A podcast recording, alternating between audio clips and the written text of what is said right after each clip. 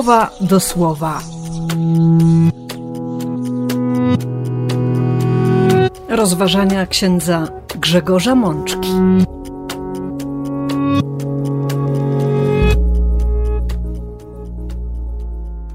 Pierwsza niedziela Wielkiego Postu, rok B.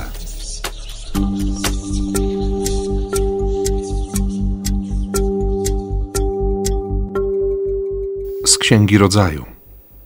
Oto ja ustanawiam moje przymierze z wami, a po was z waszym potomstwem, a także z każdą żywą istotą, która jest przy was.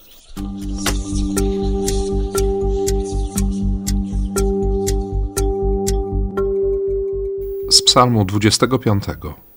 Pan jest dobry i sprawiedliwy, dlatego poucza zbaczających z drogi.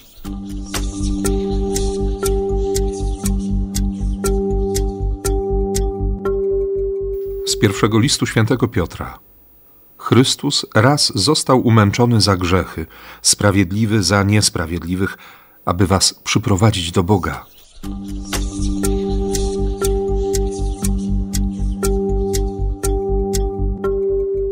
Z Ewangelii według świętego Marka.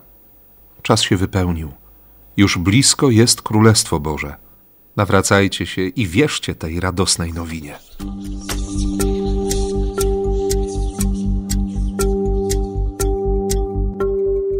Siostry i bracia, i kolejny wielki post przed nami. Rozpoczęliśmy ten święty czas, niezwykły czas doświadczania miłości Boga. Oczywiście wielu z nas może powiedzieć, że, że przecież codzienność jest tym niezwykłym czasem, i tak, to prawda. W środę popielcową, w liturgii, w drugim czytaniu, święty Paweł przypomniał nam o tym, że dziś jest dzień zbawienia, że teraz jest czas upragniony. Każdy nasz dzień jest najlepszym momentem, by dać się zbawić. Ale potrzebujemy też, jako wierzący, jako wspólnota Kościoła, takiego czasu, rozłożonego trochę w czasie, by, by sobie o tym przypomnieć, by raz jeszcze sprowokować swoje serce do, do przylgnięcia do Boga, do nawrócenia, do, do tej zmiany myślenia.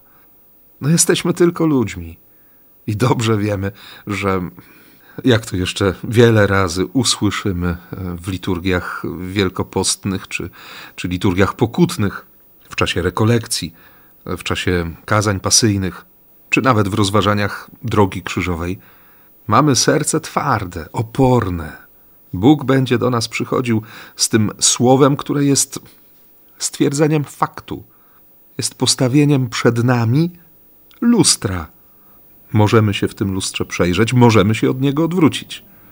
Obraz, który zobaczymy w lustrze, może nas przerazić, może nas zawstydzić, ale to przerażenie, ten wstyd, ten lęk może również nas sprowokować do, do zmiany.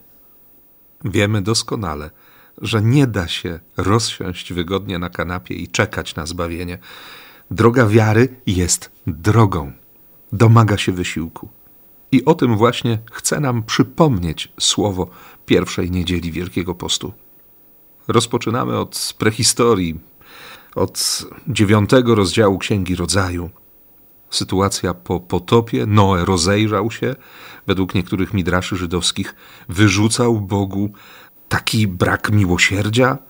Usłyszał wtedy w odpowiedzi: Ty głupi pasterzu, co zrobiłeś, żeby tych ludzi ocalić? Zostawiamy jednak żydowskie opowieści. I od początku dziewiątego rozdziału słyszymy: Bóg błogosławił Noego i jego synów. Sem, Jafet i Ham. Bóg dobrze wie, jacy są ci ludzie. Zna serce Noego, zna serca jego synów. I ktoś może powiedzieć: No przecież Ham okazał się, no właśnie, odpowiednikiem swojego imienia, tak jak je rozumiemy w języku polskim. Bóg zna serca tych ludzi i daje błogosławieństwo. Bóg nie wybiera sobie ludzi, którym będzie błogosławił, i ludzi, których opuści. Każdy człowiek jest stworzony z woli Bożej, z Bożej miłości. W każdym z nas, w każdym z ludzi na ziemi, wierzących i niewierzących, jest to Boże tchnienie życia Niektórzy je rozpoznają i Bogu dzięki, niektórzy nie są go świadomi. Ale czy przez to Bóg mniej ich kocha? Mamy w sobie nieraz takie myślenie o wyłączności, myślenie o tym, że nam się należy błogosławieństwo, a innym niekoniecznie. Dlatego Bóg dziś tak mocno mówi do każdego z nas: Oto ja ustanawiam moje przymierze z wami, a po was z waszym potomstwem, a także z każdą żywą istotą, która jest przy was. Postanawiam zawrzeć takie moje przymierze z wami. Nie umrze już z powodu wód potopu żadna istota cielesna i nie będzie już zalania wodami dla zniszczenia całej ziemi. Bóg jest Bogiem życia. Bez względu na to, czy wybieramy życie, czy decydujemy się na odejście od Boga, czyli wchodzimy w tę przestrzeń śmierci, Bóg jest Bogiem życia i On życia dla nas pragnie. Każdy wielki post, każdy dzień Wielkiego Postu będzie nam o tym przypominać przez, przez liturgię, przez modlitwy, przez słowo. To jest wezwanie Boga na początku, na progu czasu wielkopostnego. Żyj, chcę Twojego życia, chcę Twojej miłości. Chcę Ci błogosławić w Twoich poszukiwaniach i odpowiedziach na życie i miłość. Dlatego swoistą odpowiedzią człowieka na to błogosławieństwo zawarte w pierwszym czytaniu jest Psalm 25. Wersety, które usłyszymy dziś w liturgii, prowokują nas, chcą nas sprowokować do tego, byśmy podpisali się pod tą modlitwą. Byśmy słysząc zapewnienie Boga o Jego trosce, o Jego miłosierdziu, o Jego zainteresowaniu, o Jego pamięci o nas, odkryli w swoim sercu pragnienie, by odpowiedzieć Bogu, by za Nim iść, by dać się pociągnąć tej miłości. Dlatego słyszymy: Panie, daj mi poznać Twoje drogi, naucz mnie Twoich ścieżek, prowadź mnie ku Twojej prawdzie, poucz mnie. Bo Ty jesteś Bogiem, moim wybawicielem, na Ciebie czekam każdego dnia. Pamiętaj o swym miłosierdziu, Panie, i o swej litości, bo one są w Tobie od wieków. Nie pamiętaj o grzechach mojej młodości ani o mych błędach. Pamiętaj o mnie według swego miłosierdzia i zgodnie ze swoją, Panie, życzliwością. Pan jest dobry i sprawiedliwy, dlatego poucza zbaczających z drogi. On prowadzi pokornych według swoich wyroków, uczy dróg swoich tych, którzy są cisi. Jażby się chciało kontynuować, choć w liturgii nie usłyszymy tego wersu. Wszystkie drogi Pana to miłosierdzie i staranie szczerość, prawdomówność, bo tak też można przetłumaczyć e, słowo, które występuje w Septuagincie, e, aleteja. Pełne otwarcie Boga na człowieka. Tak, to jest doświadczenie błogosławieństwa. Czy w takim razie chce żyć poza? Czy jest sens żyć poza łaską?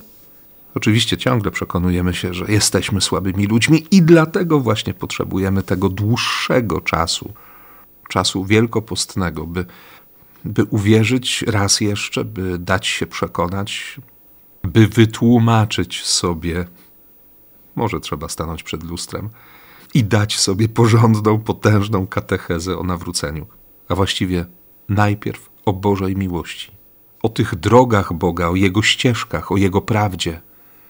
Przypomnieć sobie fakt wybawienia, uwolnienia. Przypomnieć sobie o spowiedzi.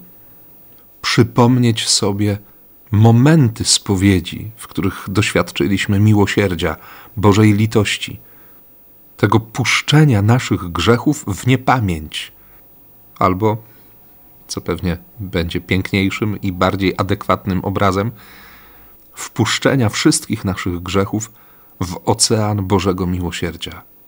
Po to serce Boga jest wciąż dla nas otwarte. Dlatego On nie zamknął tej rany, którąśmy mu zadali, bo jest nam życzliwy. Dlatego święty Piotr, ten pierwszy z apostołów, przypomni nam w swoim pierwszym liście o fakcie uwolnienia nas przez Chrystusa, o Jego posłuszeństwie. Wcześniejsze wersety mówią o tym, że przecież możemy doznawać cierpienia ze względu na sprawiedliwość i jeśli w tym cierpieniu wytrwamy, jeśli nie będziemy przeklinać tych, którzy nam złorzeczą, którzy nam czynią zło, nie damy się zaniepokoić i nie będziemy się ich bać, bo Chrystusa jako Pana będziemy mieć w swoich sercach. To ci, którzy rzucają obelgi na nasze dobre postępowanie w Chrystusie, doznają zawstydzenia właśnie w tym, o co nas oskarżają. I napisze święty Piotr tak prosto w 17 wersecie trzeciego rozdziału: Lepiej bowiem, żebyście cierpieli, jeśli taka jest wola Boga, dobrze czyniąc, niż źle. I od razu pojawia się przypomnienie czy uzasadnienie takiego zdania, takiego myślenia, bo i Chrystus raz został umęczony za grzechy, sprawiedliwy za niesprawiedliwych, aby was przyprowadzić do Boga. Co więcej, to zbawienie zostało również ogłoszone jako orędzie łaski, orędzie miłosierdzia duchom zamkniętym w więzieniu. Chodzi oczywiście o ten świat umarłych. I święty Piotr przypomni sytuację z czasu potopu. Wielkoduszność Boża czekała cierpliwie za dni Noego, kiedy była budowana arka. Oni się nie nawrócili. Ale teraz ta woda, która dla wielu była doświadczeniem śmierci, dla was jest szansą na nowe życie. Ona was ocala w chrzcie. I nie chodzi o pozbycie się brudu cielesnego, jak wyjaśni nam pierwszy papież, ale o wzniesienie prośby do Boga o czyste sumienie dzięki zmartwychwstaniu Jezusa Chrystusa. To, co dla niektórych jest przekleństwem, czy co niektórzy widzą jako przekleństwo swojego życia, dla innych, w domyśle dla nas, może być błogosławieństwem. Może być szansą odkrycia tego wezwania Bożego, o którym napisze święty Paweł. Naszą ojczyzną jest niebo to, co tu się dzieje, jest ważne, jest bardzo potrzebne, ale naszą ojczyzną jest niebo. I dlatego takie słowo przychodzi do nas w pierwszą niedzielę wielkopostną. Mamy spojrzeć w górę, mamy wyciągnąć ręce. W środę popielcową usłyszeliśmy wezwanie świętego Pawła: Pojednajcie się z Bogiem, a właściwie dajcie się pojednać, dajcie zgodę na to pojednanie. Wyciągnijcie ręce ku Panu, on was dźwignie. W kolejnych dniach po popielcu były te wezwania. Wybierajcie życie. Zatęsknijcie za mną. Szanujcie szabat, to znaczy zobaczcie moją fascynację wami. I patrzcie tak jak ja na siebie i na siostry i braci, na swoich bliźnich. Czy na tym ma polegać owa zmiana myślenia, o której mówi dzisiaj Jezus w Ewangelii?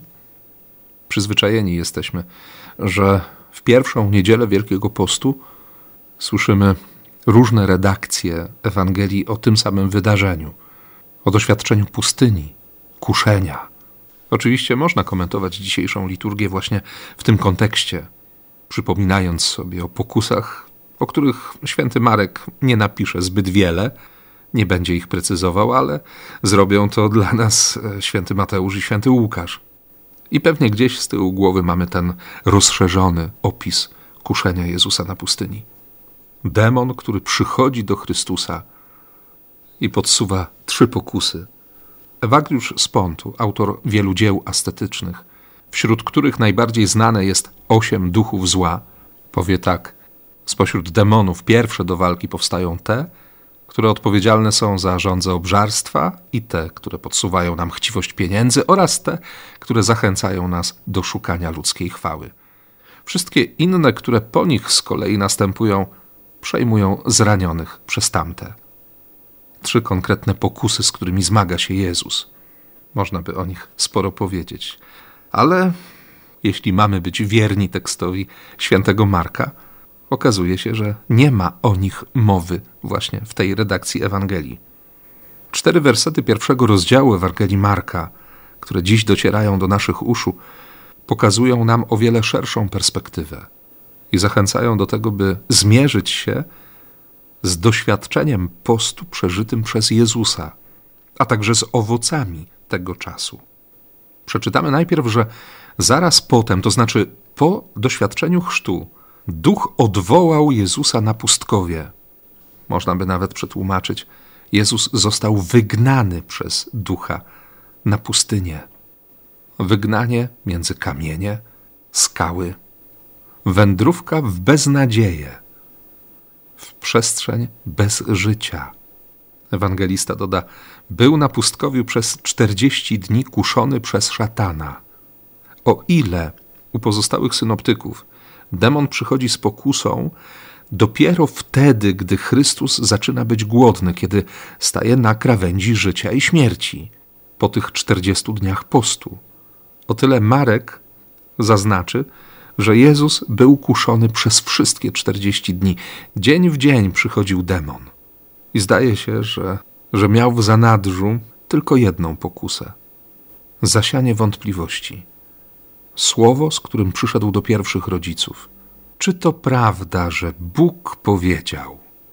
Czy to prawda, że Bóg powiedział: Ty jesteś moim synem umiłowanym, w Tobie złożyłem swoje postanowienia, bo to jest słowo Ojca, które dotarło do, do syna, z którym syn ma się mierzyć właśnie na pustyni.